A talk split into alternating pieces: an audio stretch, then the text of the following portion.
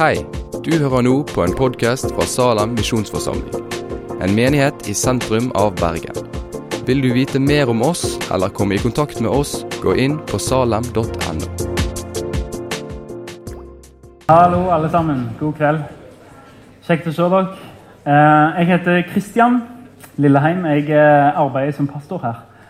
Eh, Og Før vi går videre, så bare ber vi litt herfra. Eh, takk for at du er her. Takk for at du har vært her hele tida. Jesus, takk for at du er i oss, som gjør at vi kan tjene hverandre med våre gaver. Jesus, jeg ber for det jeg skal si nå. Hjelp oss å sitte med åpne hjertedører. Og Helligånd, tal til oss det som gjelder akkurat den enkelte av oss, sånn at vi sitter igjen med hva du sier til den enkelte. Og brenn det fast i hjertet vårt, Jesus. Amen. Tjeneste og nådegaver. Vi har, egentlig, vi har egentlig vært vitne til det allerede i dag.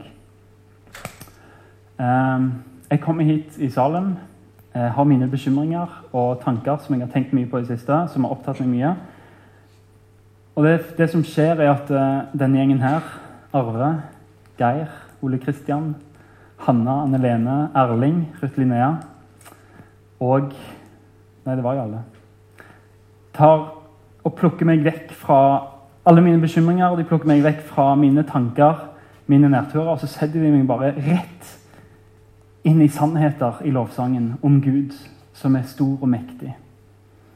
Og så får jeg stå der, og de tekstene får tale til meg og, og bare vise meg at Kristian, det er en Gud som er stor. En som har kontroll, som løfter deg på ørnevinger. Deres nådegave det er ikke at de er så vanvittig gode å spille eller synge. Deres nådegave er nettopp det å løfte oss opp fra våre bekymringer og sette oss, gi oss et møte med Gud. Det er lovsangsteamet sin nådegave.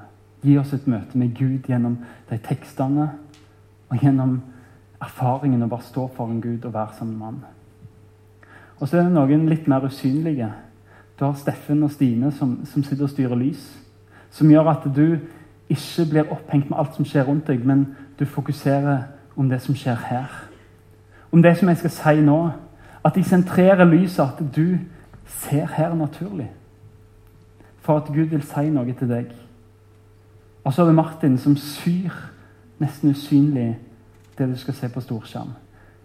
At han, hans tekster viser deg sannheter om Gud.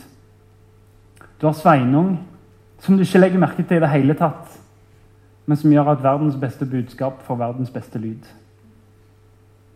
Du har vertskapsteamet med Jonas og Britt Linn og Mildrid og co. som står der ute, som tar imot deg. Deres nådegave er ikke å rydde. Deres nådegave er å skape fellesskap. Å se noen nye, og så kobler de på noen som allerede går i salen. Du har den gjengen som står i kafeen og gjør i stand god mat. Deres nådegave er ikke å være lage rå boller eller bake. Deres nådegave er å legge til rette for fellesskap, at vi kan bygge opp hverandre og være et fellesskap. Du var Silje, som sitter bak der i ledergruppa. Hun som er med der sammen med mange andre som tenker helhetlig om alt som skjer i Salomon. Hvordan kan vi sørge for at de som går i Salem, får et helhetlig bilde av hva det vil si å være kristen og følge Jesus? De som er med å sette dagsorden for hva som blir sagt her. Hvordan ting skjer i møtene. Hva vi sier til, gir beskjeder til møtelederne. Du har Torunn, som spiller opp til at det som skjer her, skal handle om Jesus. Og Helt usynlig så har du en som sitter oppe der og som sørger for at de som ikke kan norsk, får høre alt som skjer på engelsk. Og Det er det bare de som er her, og det er enda flere noe som jeg kanskje har glemt. og Det er dumt å nevne folk, men, men så har du Torleif, som, som aldri er her oppe på scenen, men som sitter på sykehjem time ut, time inn og prater med de eldre. Du har flere i nærmiljøsenter som går på besøk til eldre folk som bor rundt her, som ikke kan gå og handle sjøl. Og så hjelper de dem på butikken, handler sammen med dem, prater med dem. Du har Kari, Magnhild og mange andre som, som flere ganger om uka sitter oppe på bønnerommet og har samtaler med bl.a. noen av dere som går her. Og som hjelper til å se og til å anvende evangeliet inn i livet. Jeg elsker å være en del av Salem fordi jeg ser Fra min posisjon som pastor så ser jeg så mange nådegaver i bruk. Og jeg ser at det fungerer sånn som Gud tenkte det. At han gir noen et evne, sånn at vi kan bli oppbygd, og at han kan bli æra.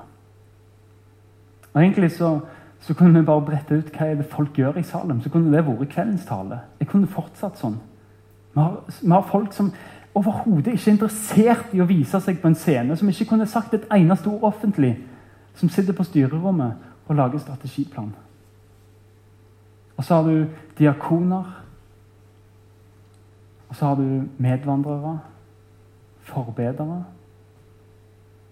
Vi har så mye. Vi er så privilegerte å være i en sånn menighet der ting fungerer. Og så vet vi òg Jeg tror at Gud har mer for oss.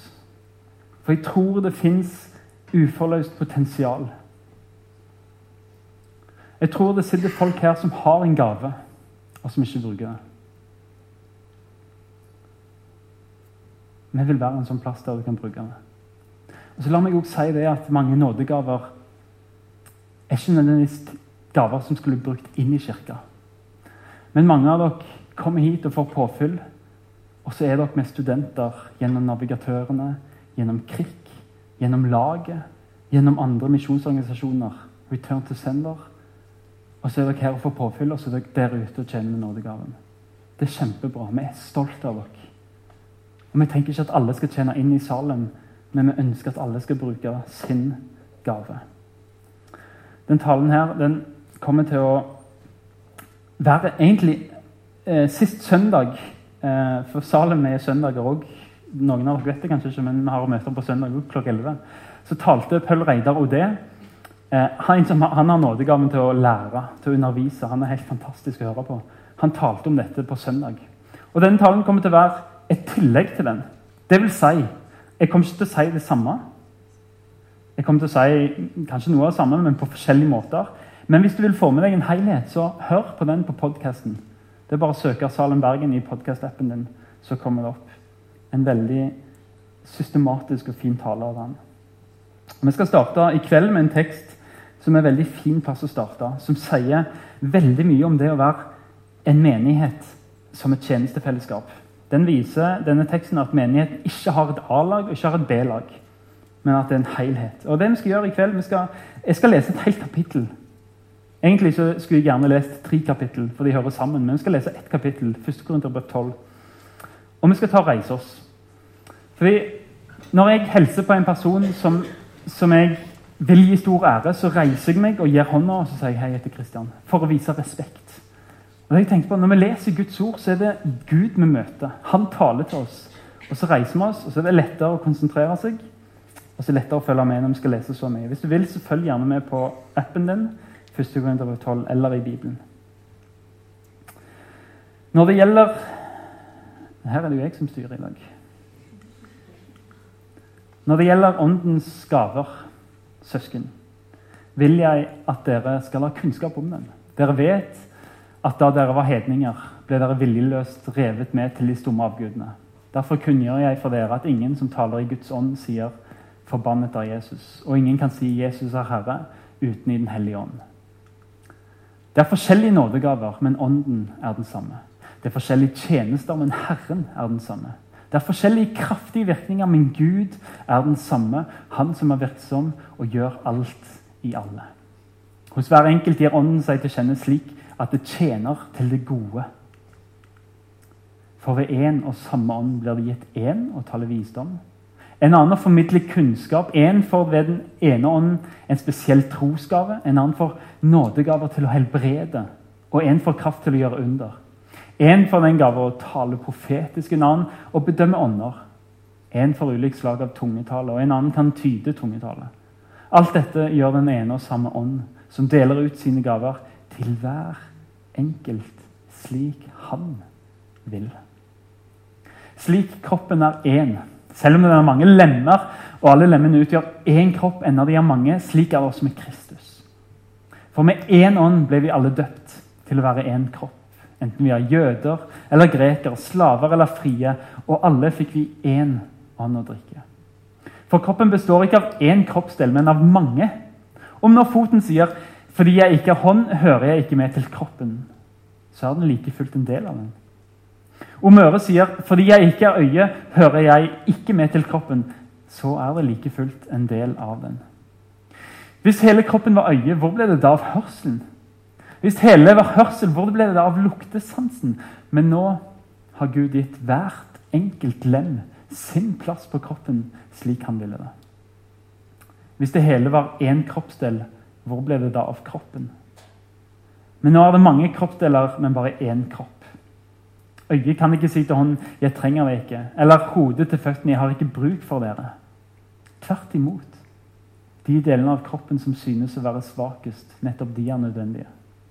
De kroppsdelene som vi synes har mindre ære verdt, dem gir vi desto større ære. Og de delene vi føler skam med, kler vi desto mer sømmelig. De andre trenger det ikke. Men nå har Gud satt sammen kroppen slik at det som mangler ære, får mye ære. For at det ikke skal bli splittelse i kroppen, men alle lemmene har samme omsorg for hverandre. For om ett lem lider, lider alle de andre med. Og om ett lem blir hedret, gleder alle de andre seg. Dere er Kristi kropp. Og hver enkelt av dere et lem på ham. I Kirken har Gud for det første satt noen til apostler for det andre profeter, for det tredje lærere, Der er det mektige gjerninger. Der er det nådegave til å helbrede, til å hjelpe, til å lede og ulike slag tungetale. Er vel alle apostler? Er alle profeter? Er alle lærere? Gjør vel alle under? Har alle nådegave til å helbrede? Taler alle i tunger? Kan alle tyde tungetallet? Men vær ivrige etter å få de største nådegavene. Da kan dere se det òg. Den teksten der vise. Det fins ikke et A-lag, det fins ikke et B-lag med en kropp, med et fellesskap. Alle har sin oppgave. Den uttrykker en enhet mellom oss som kirke, men òg et mangfold, at vi er forskjellige. Og det er bra. Det skal være sånn. Det skal ikke bare være hender. Det er en utfylling, det er ikke en konkurranse. Det er ikke sammenligning. Gud har satt sammen kroppen sånn som han vil. Vi skal lese en tekst til som, som er, handler om nådegaver, fra 1. Peter. Der skriver han tjen hverandre, hver og en med den nådegave han har fått, som gode forvaltere av Guds mangfoldige nåde. Den som taler, skal se til at han taler som Guds ord, og den som tjener, skal tjene med den styrke Gud gir. Slik skal Gud i ett og alt bli æret ved Jesus Kristus. Han tilhører herligheten og makten i all evighet. Amen. Ser dere det? Gud utruster oss. Det leser vi fra disse to tekstene. Gud utruster menigheten. Menigheten tjener hverandre og tjener andre mennesker, sånn at de ærer Gud. Det er det nådegave handler om. Se, Gud utruster oss med sin hellige ånd. Gir oss forskjellige gaver, gir oss forskjellige evner. Og vi skal tjene medmennesker. Mest av alt står det, skal vi gjøre godt mot de som er våre søsken i troen. oss. Men vi skal òg tjene vår neste. Og Målet for at vi tjener dem, skal være at de ærer Gud. At de ser her er det et eller annet med denne personen som tjener meg, som gjør, som viser meg noe om Gud. Det er det nådegaver er. Det Målet til nådegaver er at mennesker skal ære Gud, og at vi skal tjene hverandre. Husker dere at eh, for noen lørdager siden så snakker jeg om kirka ikke som et cruiseskip der du kan komme og bare få all kristen luksus. at Alt er sydd puter under armene. Du får akkurat den sangen du vil, akkurat den talen du vil, og bare går herifra, så er du fornøyd. Kirke er ikke cruiseskip. Heller ikke et slagskip der, der når du er ute og skal fortelle vennene dine om Jesus, så er ikke jeg på sida av deg og forteller hva du skal gjøre. Vi er ikke der i krigen sammen som en menighet.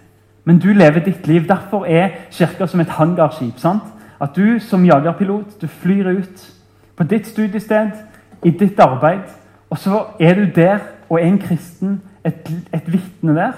Men så kommer du tilbake til hangarskipet, der du får påfyll, der du får hvile, der du får utrustning, og der du kan bli undervist i oppdraget. Det var det bildet som jeg brukte, at kirka er som et hangarskip. Og Nå skal vi lese en tekst som faktisk handler litt om det.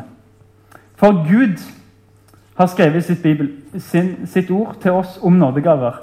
Og det var han, altså Gud, som ga noen til å være apostler, noen til profeter, noen til evangelister og noen til hyrder og lærere. Nå, det er tradisjonelt sett lederstillinger i kirke. Altså apostel, profet, evangelist, hyrder og lærer. Det er det som vi liker å kalle kanskje prest eller pastor eller eldste eller styre. De som på en måte er med å lede en menighet. Stort sett er det de nådegavene vi ser etter da.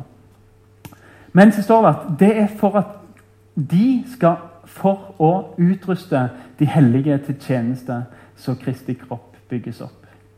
Inntil vi alle når fram til enheten i troen på Guds sønn og i kjennskapet til Han og blir det modne mennesket som er fullvoksent og har hele Kristi fylde. For å vise helt sånn konkret hva er det denne teksten sier. Han sier Gud har gitt han har gitt apostler, profeter, evangelister, hyrder og lærere. Så han har gitt lederstillinger til menigheten for at de skal dyktiggjøre. De skal utruste de troende til tjeneste for å bygge opp menigheten, for å bygge opp Kristi legeme. Vi er det hangarskipet. Her skal du få komme, du skal få bli lært evangeliet. Du skal få bli leda som en sau. Du skal få bli lært, undervist. Du skal få bli utrusta her, sånn at du blir klar til tjeneste. At du er klar til tjeneste, sånn at du kan være med og bygge opp Kristi legeme. Og Det betyr enten at vi vil undervise deg i din nådegave, for at du enten i din nådegave skal gjøre menigheten større Kanskje er du en som liker å dele evangeliet med folk. Eller at du skal gjøre kvaliteten bedre. At du kanskje skal være en sjelesørger, forbeder, medvandrer som snakker med folk og bygger opp troen. Men det er det som er det hangarskipet vi snakket om. At vi vil dyktiggjøre deg til din nådegave. Nådegavene det er Jesu kraft i de som er kristne. Han gir sine disipler kraft til å fungere som en del av hans kropp. Målet det er at du skal modnes. At du skal nå fram til enheten i troen på Guds sønn og kjennskapet til Han og bli det modne mennesket som er fullmodent. Det er målet for nådegavene. Lovsangsteamet her de er her fordi at dere skal bli kjent med Gud og få vokse i troen og bli mer modne. Gjennom de tekstene vi synger, gjennom de sannhetene vi synger til oss sjøl. Sånn er det med alle nådegaver. Det det som er målet.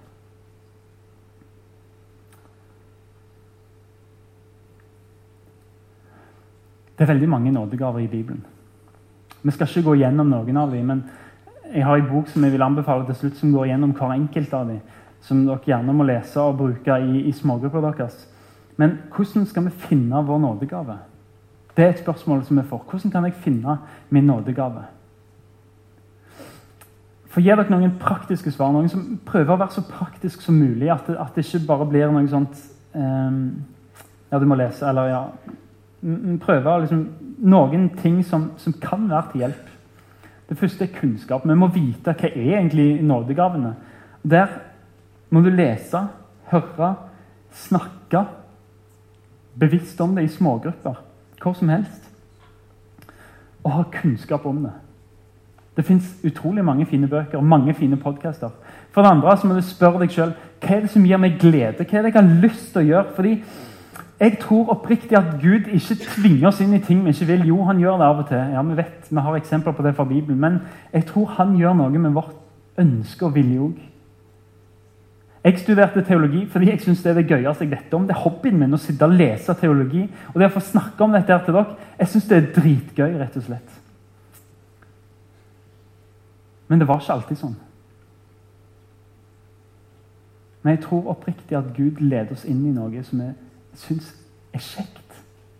Og spør, spør deg om det av og til. Så hjelper det faktisk å spørre når er det jeg er mest kritisk i menighetsliv. Jeg skal si, når jeg er på besøk i andre menigheter, så sitter jeg i benkeraden så tenker jeg liksom, det kunne jeg sagt på en helt annen måte. Jeg ville aldri sagt det sånn som han sier, han taleren sier det. Jeg ville sagt det på en helt annen måte. Jeg er veldig kritisk. Når det kommer til lovsangen, pff, bryr meg ikke. Om hvordan de gjør det. De gjør det på sin måte helt greit. Men jeg er sikker på at noen av disse, hvis de er på besøk i en annen menighet, de i lovsangsteamet vårt, så sitter de og tenker gjør de det på den måten. Jeg ville valgt en helt annen måte. Og jeg vil anbefale deg å tenke hva tid er det du er kritisk i en gudstjeneste eller i et kristent fellesskap? Er det, er det vertskapet du tenker wow, jeg kunne gjort det på en mye bedre måte? det her? Er det kafeen, er det forbønn, er det kjeller? Hva er det for noe? For jeg tror at Når du er utrusta til et eller annet, så har du kunnskap om det. Og det gjør at du er kritisk når folk gjør det på en annen måte. Jeg tror oppriktig at prøv å tenke hva tid er du mest kritisk der du tenker eh, Hallo, jeg kunne gjort det der bedre. Og jeg tror noen kjenner seg igjen. Og kanskje er det tid for å prøve den tjenesten du er kritisk til. Fordi du har noen tanker om den. Det tredje er det jeg nettopp sa. Så er det bønn og forbønn. Be Gud om å lede deg inn i de oppgavene som han har klart for deg. Fordi Gud har satt sammen legemet sånn han ville det, leste vi. Gud har en plan. Gud, Gud vil at du skal finne din plass. For han har satt sammen Salem på den måten som han ville det. Det vil si Kanskje er det ting vi ikke gjør i Salem fordi at ingen har sagt det er min oppgave.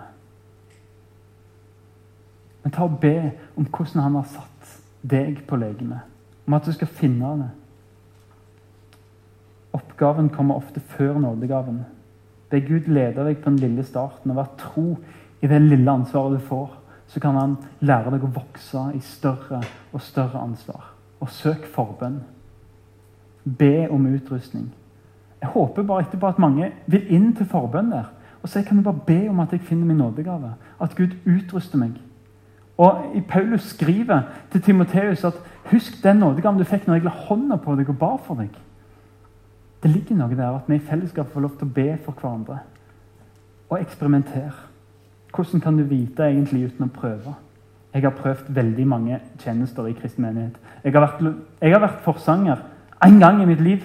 Jeg sto med mikrofonen her, og det gikk fem minutter der jeg lovte til meg sjøl dypt og hellig foran Gud sto og sa Gud, dette skal jeg aldri i mitt liv gjøre igjen.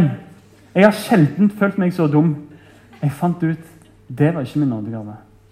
Men jeg prøvde. Menigheten var enig. Du kan iallfall eliminere de oppgavene du ikke passer inn i. Og så evaluer. Er jeg der jeg skal være? Hvordan vet du det? Jo, berg frukt. I denne tjenesten jeg har, får den resultater for noen. Gjør den sånn at folk vokser. Sprer, sprer den glede, gjør den vekst i menigheten eller i andre sitt liv. Og Hvis du kommer fram til at du er på feil plass, så er det bedre å la den oppgaven ligge enn at du er på feil plass. Det er bedre at vi tar en prat og finner deg inn på rett oppgave. Og så er det òg en sånn balanse der, der det ikke alltid ting løsner med en gang men det med utholdenhet. Og Der må vi bare be om visdom. Gud, er det her jeg skal være? Jeg ser ikke fruktene. Iallfall ikke ennå. I så fall må du vise meg vei. Og be om andres vurdering. Det er ikke vanskelig av og til å si til en fyr eller en jente at du er totalt feil plass. Fordi det er så åpenbart. Men det er ikke så lett å se det sjøl alltid. Det er sjeldent at jeg har måttet ha gjort det. Og jeg har ikke gjort det her i Salem ennå. Men jeg, jeg, tror det er noen som kjenner på at de er feil plass. Men be om andres vurdering. Bruk smågrupper og snakk. Er, kan det stemme at dette er min gave? Og så finn en som har den samme gaven. Som du tror kanskje ok, kanskje jeg har en nådegave til forbønn. Hvis du har det, så kom og snakk med meg. Så vil jeg sette deg sammen med en som har den nådegaven, som er litt eldre enn deg Som kan gå et stykke på veien der dere to kan snakke sammen om hvordan gjør vi dette. Hva er denne nådegaven? Hva handler dette om? Fordi vi finner ikke ting ut av som totalt av det blå, men vi er et fellesskap. Tanken er at vi skal hjelpe hverandre og stå på skuldrene til hverandre. Og hele tida veilede hverandre i dette. Hvis du, har, hvis du tror du har en nådegave til sjelesorg, så la meg få lov til å sette deg sammen med en som har drevet med sjelesorg lenge, sånn at du kan lære å få lærdom og få den vurderinga fra de andre. Det tror jeg er noen triks som dere kan ta med dere og be over. Snakk om dette i smågruppene deres. Nådegave. Hva er min nådegave? Prøv dere fram. Be for hverandre. Hvis noen sier liksom, jeg tror jeg har denne overgangen, så prøv det i smågrupper. Snakk om det, les om det. Finn god litteratur. Finn noen som kan det. og Inviter dem inn i smågrupper og si kanskje du kommer og lærer oss om dette. Dette er faktisk for viktig til å ta lett på. For jeg tror Gud har en plan når han plasserer deg i salen. Jeg skal komme litt tilbake til det på et vers helt på slutten. Noen ting du må være obs på. Nådegave det er noe du skal søke etter, jage etter og trakte etter. Det står det faktisk i mange, ganger i Nytestamentet. Vi har en sånn tendens til å liksom bare, ja, det kommer hvis det kommer. Jag etter den, trakt etter den, be etter den. Hvordan ser det ut i ditt liv? Jeg, jeg tror hos en kristen så tror jeg det vil se ut som om sånn Jeg greier ikke få ro før jeg har funnet min plass. Gud har frelst meg. Halleluja. Takk og lov for det. Gud har gitt meg evig liv. Yes, det er helt supert. Og det er det viktigste. Men når han har gitt deg evig liv, så har han også gitt deg et nytt liv. En hellig ånd. Og han har gitt deg kraft. Og den kraften som bor i deg, den vekter Jesus opp fra de døde. Så sterk er den. Den er for dyrebar å overse. Vi må finne ut Gud, hvor er det den kraften er sterkest hos meg? Hva gave er det jeg har som gjør at jeg kan vekke folk her i Salem eller utenfor Salem og lære dem å følge deg enda bedre? Eller å gi dem påfyll i en eller annen tjeneste der de vokser og blir mer modne. Det trenger ikke være synlig, det kan godt være usynlig, men, men hvor er den tingen? Jeg tror det er for viktig til å overse. Nådegaver skal du søke etter, og du skal trakte etter det. Og så skriver Paulus en plass til Timoteus. La nådegaven få blusse opp igjen. Det innebærer at nådegaven kan slukne. Nådegaven kan slukne. Jeg tror det skjer når vi ikke bruker tid med Jesus. Jeg tror faktisk det at nådegave Det er liksom det norske ordet nådegave. Vi kunne likt så godt, og kanskje tjenlig, det med nådestrøm.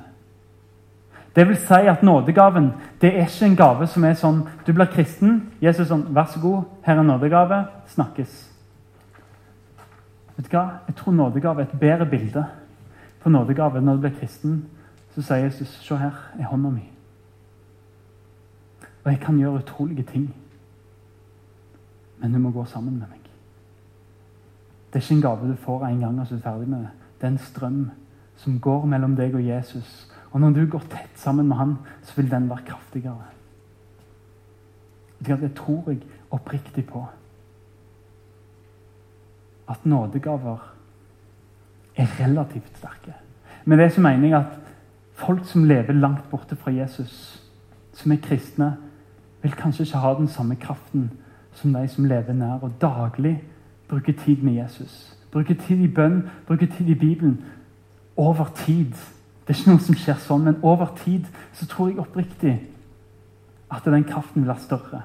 For selvfølgelig, jo nærmere kilden du er, jo friskere er vannet. Og Sånn tror jeg det er med nådegaver òg. Se på det som en nådestrøm mellom deg og Jesus. Jo nærmere du er, friskere er kilden, jo bedre er vannet, jo sterkere er kraften. Derfor er vi i Salem som fellesskap avhengig av at vi for oss sjøl lever nært Jesus. Det vil si at Når du bruker tid i bønn og Bibel, så gjør du det for din egen oppbyggelse, ja. Men du gjør det òg for hele dette fellesskapet. Du bruker tid sammen med Gud for at noen andre skal få glede av dine frykter og dine nådegaver. For det første, bruk tid med Gud, fordi det gir deg visshet om at du er frelst. For det andre, bruk tid med Gud, og tenk på oss, dine søsken, som vil få glede av det som skjer. Du vet, kristenlivet Tanken er ikke at du på en lørdag skal få påfyll, og så skal du gå hele uka som en kamel uten drikke gjennom mørken, og så få påfyll igjen.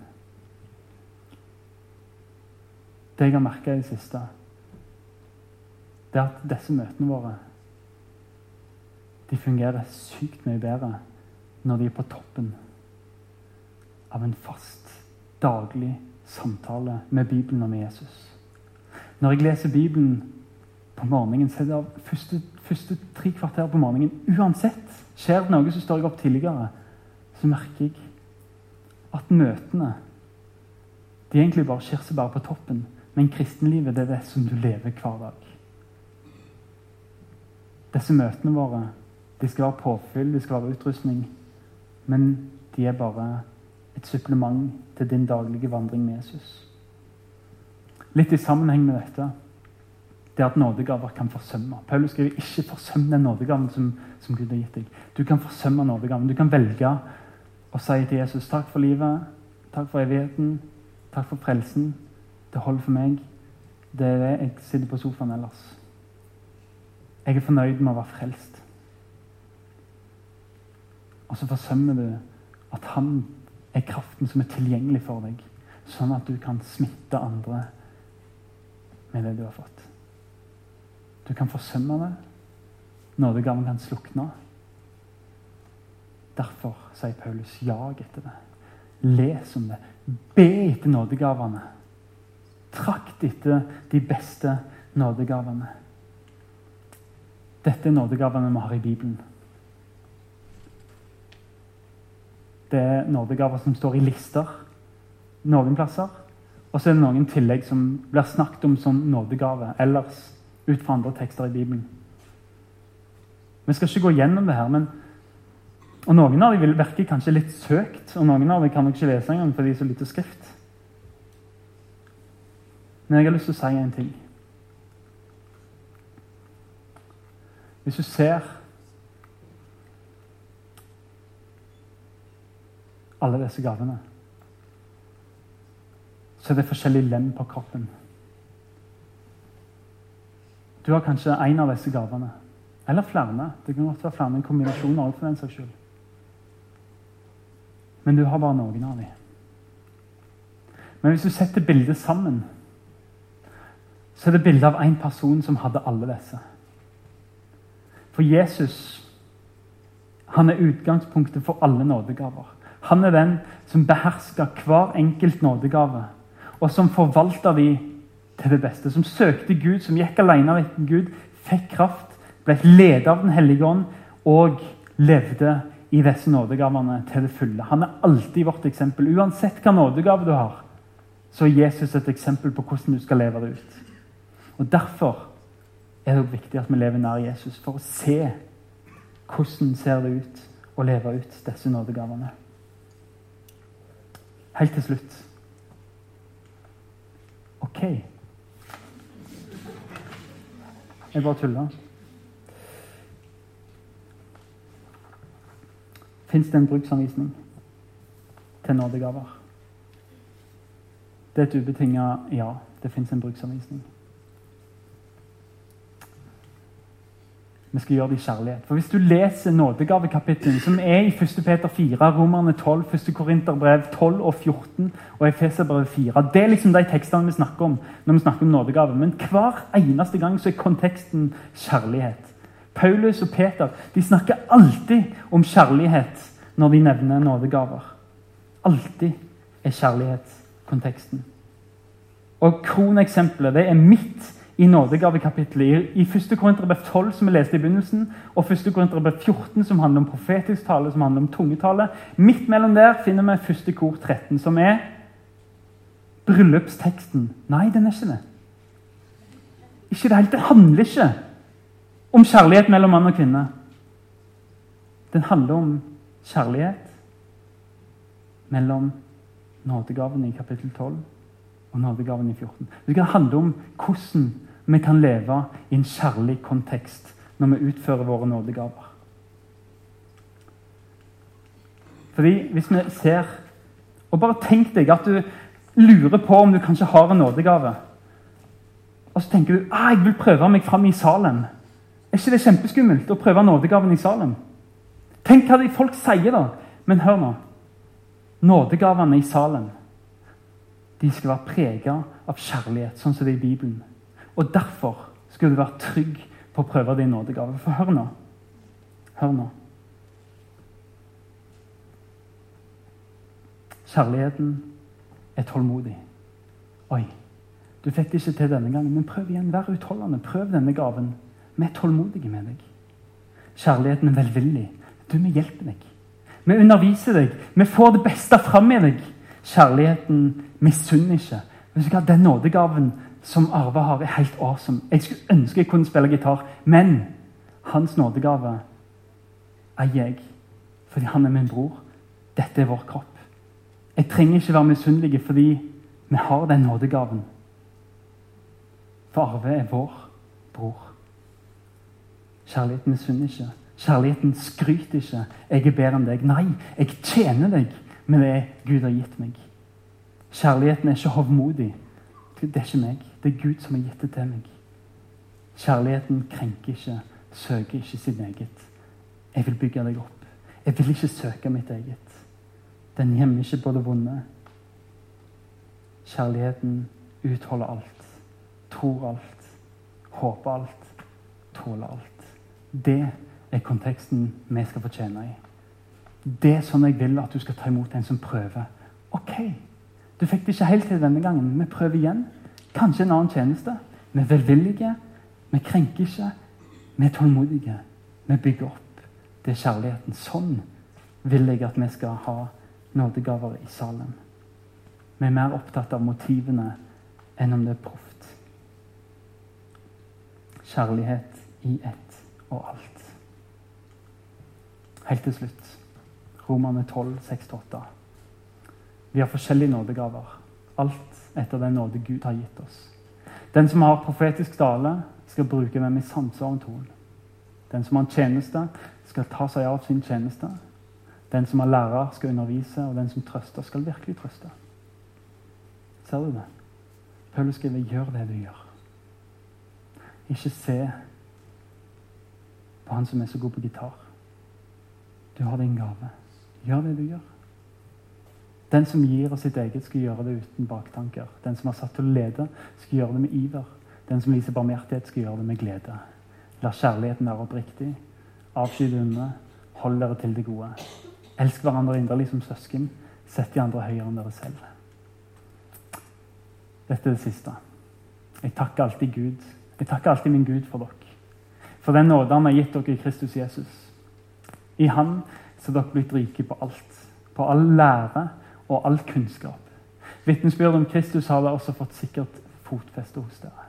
Derfor mangler dere ikke noe nådegave mens dere venter på at Herren Jesus Kristus skal åpenbare seg. Han skal også grunnfeste dere helt til enden kommer, så dere kan stå uten å bli anklaget på vår Herre Jesus Kristi dag. Gud er trofast. Han som har kalt dere til fellesskap med sin sønn Jesus Kristus, vår Herre. Det jeg har lyst til at dere skal sitte igjen med, det er en vers 7. Derfor mangler dere ikke noe nådegave mens dere venter på at Herren Jesus Kristus skal åpenbare seg. Salem har et vanvittig potensial fordi Gud har utrustet oss. Vi mangler ingenting. Vi har de nådegavene vi trenger for å gjøre det Gud tenker at Salem skal være. Men er de nådegavene i bruk? Det vil vi hjelpe med. Vi vil utruste, vi vil undervise. Hvis du lurer på hva din nådegave er, så kontakt meg. Salem.no, kontaktinformasjon. Eller Yngve, salm.no, kontaktinformasjon. Facebook, vi er der. Vi vil gjerne ta en prat. Vi vil gjerne kjøre dere gjennom en test, en samtale. Finne ut hva er det for noe som du brenner for. Hva er det du er god for? Hvis dere har lyst til å snakke om dette i smågruppen deres, så anbefaler jeg denne boka her, 'Strømmer av levende vann' av Oddvar Søvik. Om bondens liv, frukt og gaver. Knallbra, systematisk, bibelsk. Egentlig bare oppsummering av bibelvers og noen kommentarer og samtalediskusjon. Og helt til slutt en test. Ellers kan du bruke sjelesorg og veiledning og få bibelgruppeopplegg der. Eller Ungleder Norge. Der er det også undervisning om det. Til smågruppene. Hvis du har lyst til å være med i Salem, en tjeneste, så finner du et kort bak der der du krysser av 'Jeg vil være med'. så kontakter vi deg, så tar vi en prat om det. Men husk dette er nådegave. Du har fått det gratis. Det er nådegave. Det er en gave du fikk av nåde, men det er òg en gave du skal gi av nåde. Som du skal gi gratis. For at Gud skal bli æra. Herre Far, takk for din hellige ånd som du har gitt oss, og den kraften som bor i oss, som vekte Jesus opp fra de døde. Som bor i oss, Jesus. Lær oss å leve nær deg, sånn at vi får være i den nådestrømmen hele tida. At vi får kraft fra deg, fra ditt evangelie. At det ikke handler om hva vi gjør, men hva du har gjort, og hva du utruster oss med, Jesus. Herre Far, vi mangler ingenting. Du har gitt oss alt vi trenger. Bare lær oss, Jesus, å være lydige mot det du har utrustet oss til. I ditt navn. Amen. Takk for at du har hørt på podkasten fra Salem, Bergen. I Salem vil vi vokse i et stadig dypere fellesskap med Gud og med hverandre. Vi vil være Jesu hender og føtter, og vi vil være med å forkynne frelse for Bergen og resten av verden. Besøk oss gjerne på salem.no om du vil vite mer.